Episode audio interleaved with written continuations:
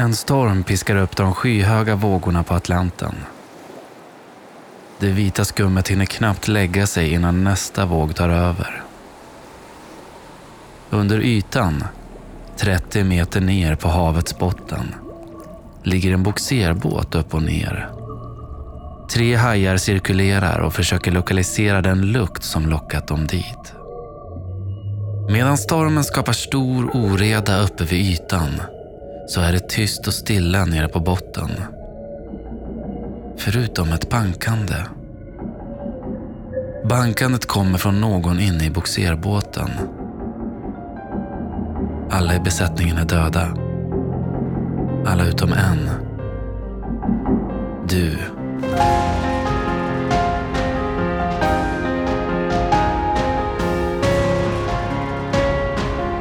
Om det var du, en podcast av Erik Mylund. Manus är baserad på faktiska och tidsenliga detaljer samt vittnesberättelser, men fiktiv i den bemärkelse att du själv blir huvudperson i en av historiens mest omskakande händelser. Syftet med detta sätt att berätta på är att komma nära det ofattbara och försöka sätta sig in i det mörker som våra medmänniskor har fått uppleva genom historien. Men framför allt att aldrig glömma deras öde. Manus av Erik Myrlund. Originalmusik och ljudläggning av Kristoffer Folin. Du vaknar till i din hytt. Det är tidig morgon och du sätter dig upp i sängen. Du hade hoppats att stormen ni befunnit er i de senaste dagarna hade mojnat till idag, men nej. Stormen har snarare vuxit i kraft och piskat extra mycket liv i vågorna som nu slår hårt mot båda sidorna av fartyget.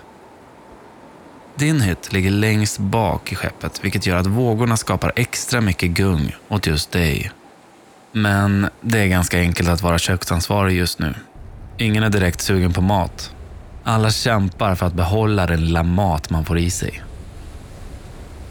Boxerbåten Jascon 4 har varit ditt hem i lite drygt två veckor och ert uppdrag är att stabilisera en oljetanker. Hmm, tänker du. Den där var lite väl kraftig. Du tar på dig skorna och går till toaletten. Du borstar tänderna och tittar dig själv i spegeln.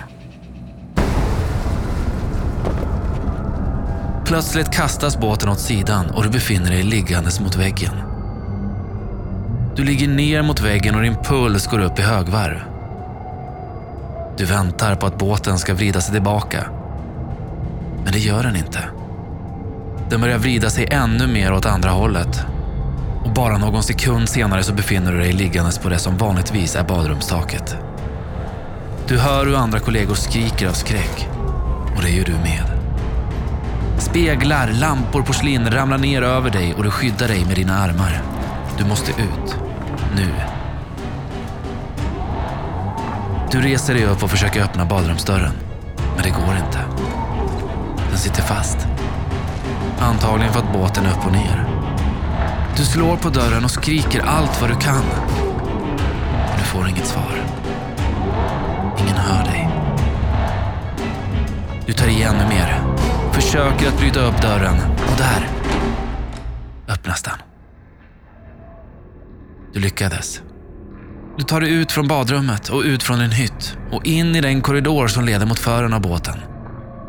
Du känner inte igen miljön. Allt är upp och ner.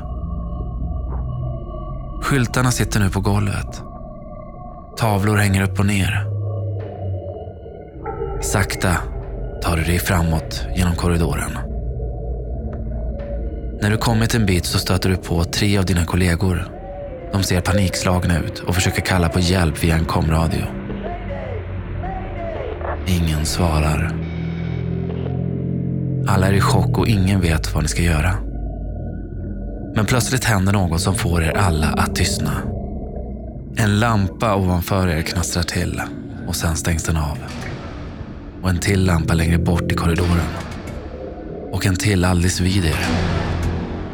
En efter en släcks lampor och paneler ner och till slut är det alldeles mörkt. Ni drabbas av panik och börjar skrika efter hjälp. En av de andra börjar springa bortåt i korridoren mot fören. De andra två hänger efter och du försöker haka på längst bak. Ni ser inget och bara era händer och minnet kan hjälpa er orientera er fram. Plötsligt så hörs en smäll och något som låter som en flodvåg kommer mot er från andra hållet. Du hör hur vågen fångar upp de två som var längst fram.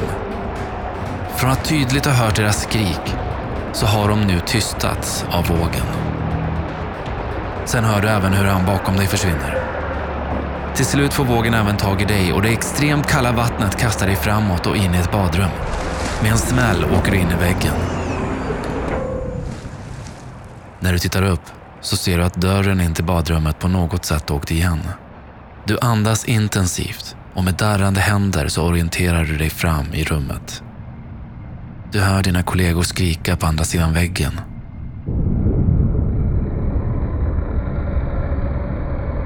Vad var det där?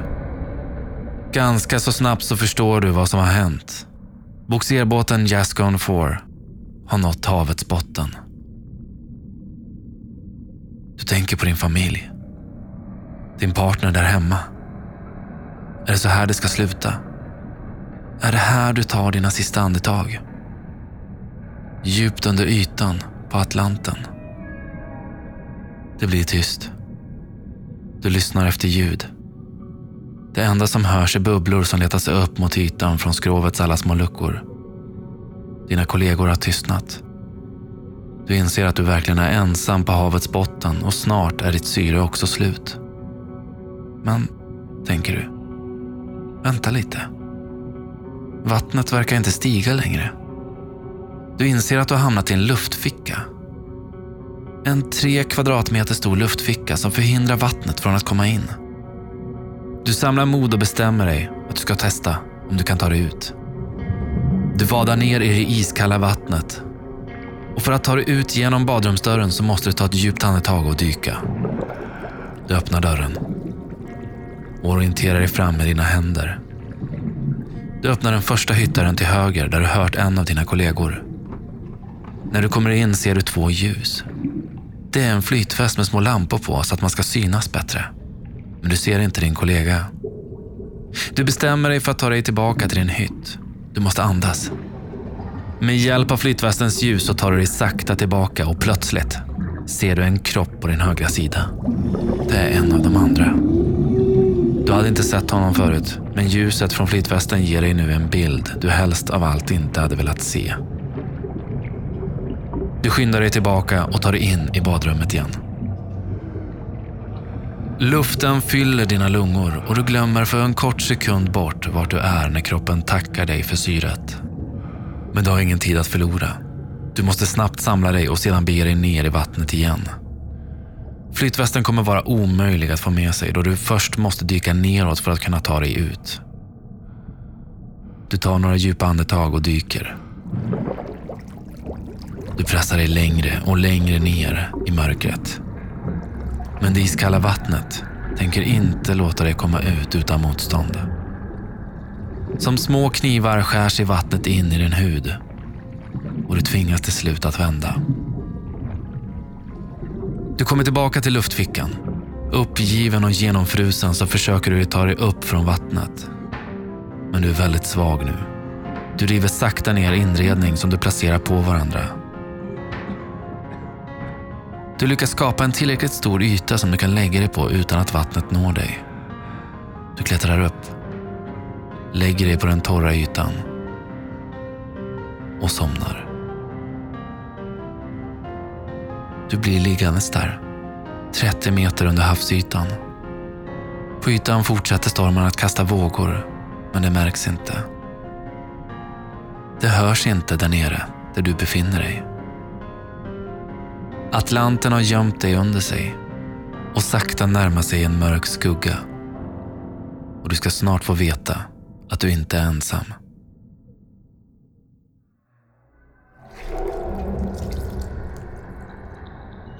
Du vaknar av ett ljud. Det är inte höga ljud, men med tanke på den totala tystnaden du befinner dig i så märks alla nya ljud väldigt väl. Något stör runt i vattnet. Du försöker höra vart ljudet kommer ifrån, Men ditt hjärta och din stressade andning överröstar det svaga ljud som verkar komma rakt utanför dörren. I flera minuter så pågår ljudet. Och det är stundtals ett skakigt ljud. Som att något gör kraftiga svängar i vattnet. Du bestämmer dig för att kolla vad det är för någonting. Du kliver sakta ner i vattnet och tar dig närmare dörren. Med hjälp av flytvästen och dess svaga små lampor så försöker du se vad det är för någonting som rör sig där ute. Du ser inget. För att få mer ljus så bestämmer du dig för att trycka ner flytvästen under vattnet för att på så sätt få bättre sikt om vad som sker där utanför. Det är då du ser det. En hajfena glider förbi. Du ryggar tillbaka vettskrämd över vad du just sett. Du sätter dig på din lilla plats ovanför vattenytan och tittar spänt. Såg de mig? Kommer de in där? Kommer de att komma in hit? Du lyssnar. Plötsligt bryter du ihop. Du fattar varför hajarna är där. De letar mat och antagligen är det dina kollegor som står på menyn. Blod kan upptäckas på väldigt långt håll av en haj. Under vad som känns som en evighet hör du snabba rörelser under vattnet. Ibland kommer hajarna åt en vägg eller ett föremål som skapar ett mer metalliskt ljud. Sakta sjunker du ihop och stänger dina ögon.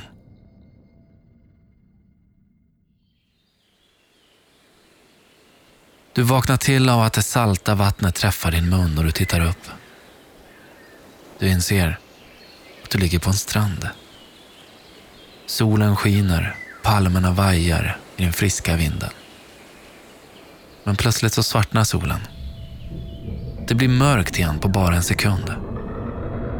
Du rycker till och inser att du fortfarande är kvar nere på havets botten. Din tunga är helt sönderfrätt av saltet och du hostar. Du inser att vattnet sakta stigit över en kant som skyddat dig mot att bli blöt. Du fryser av den iskalla kylan från vattnet och du har även blivit extremt törstig. Du ställs inför två jobbiga måsten. Kyla eller törst. Du bestämmer dig för att ge dig ner i det iskalla vattnet och leta efter vätska. Men först lyssnar du efter om du hör det där ljudet som hajarna skapade. Det är tyst. Kusten verkar vara klar. Sakta tar du dig ner i det iskalla vattnet.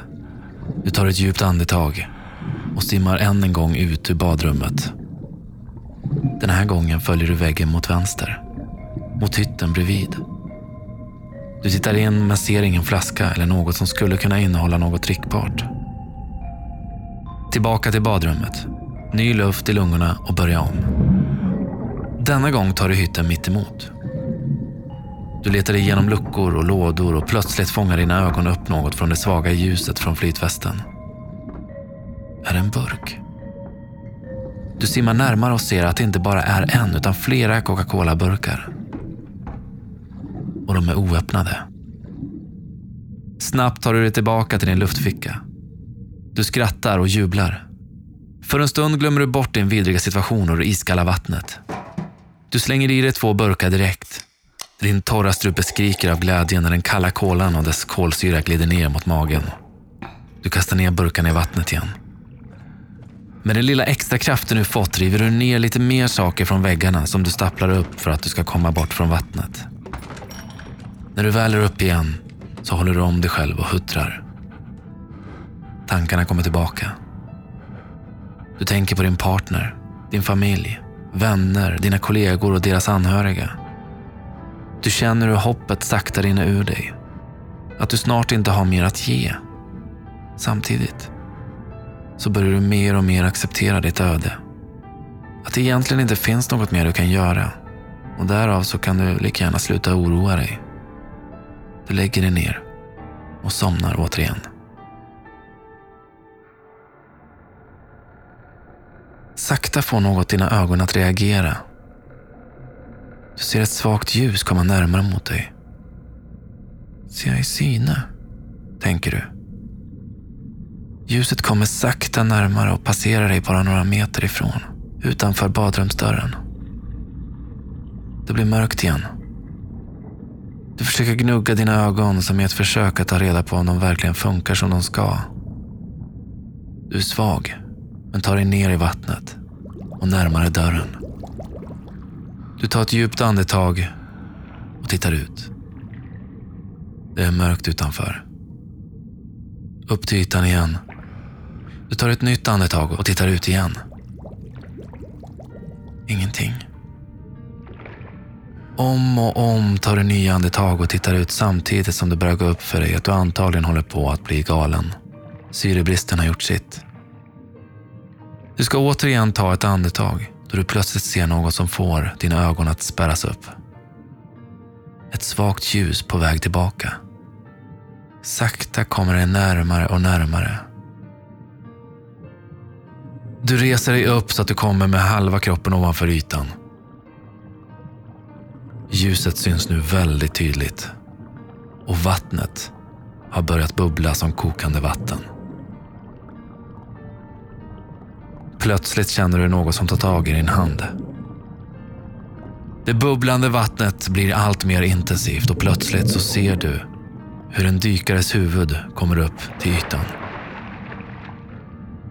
Dina ögon spärras upp ännu mer. Du kan inte tro på vad du ser. Du backar några steg men släpper inte blicken från den dykare som uppenbarat sig. Du hör dykaren säga. Det är en som lever. Du kan se att dykaren inte heller tror på vad han just sagt. Vi har hittat en levande, hör du honom säga igen.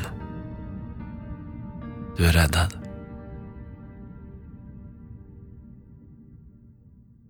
Den här händelsen bygger på de upplevelser som den 29-årige nigerianske kocken Harrison Okene fick uppleva den 26 maj 2013.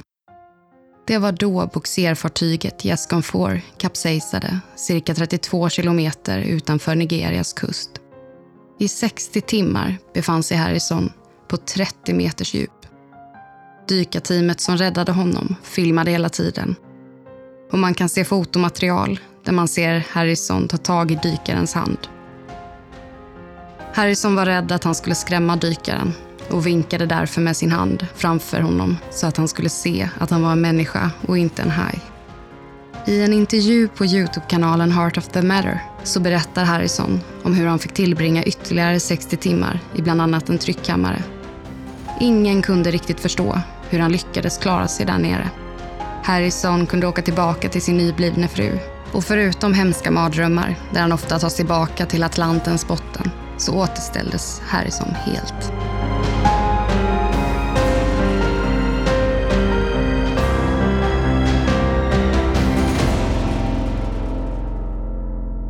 Vi blir väldigt tacksamma om du vill stötta vårt arbete med 2 dollar per avsnitt på patreon.com snedstreck om det var du. Eller om ditt företag vill köpa annonsering så kontakta Nent. Följ gärna om det var du på Instagram för att få senaste information om kommande avsnitt. Där kan du även tipsa oss om vilken händelse du vill kastas in i nästa gång. Produceras av I Like Radio. I like radio.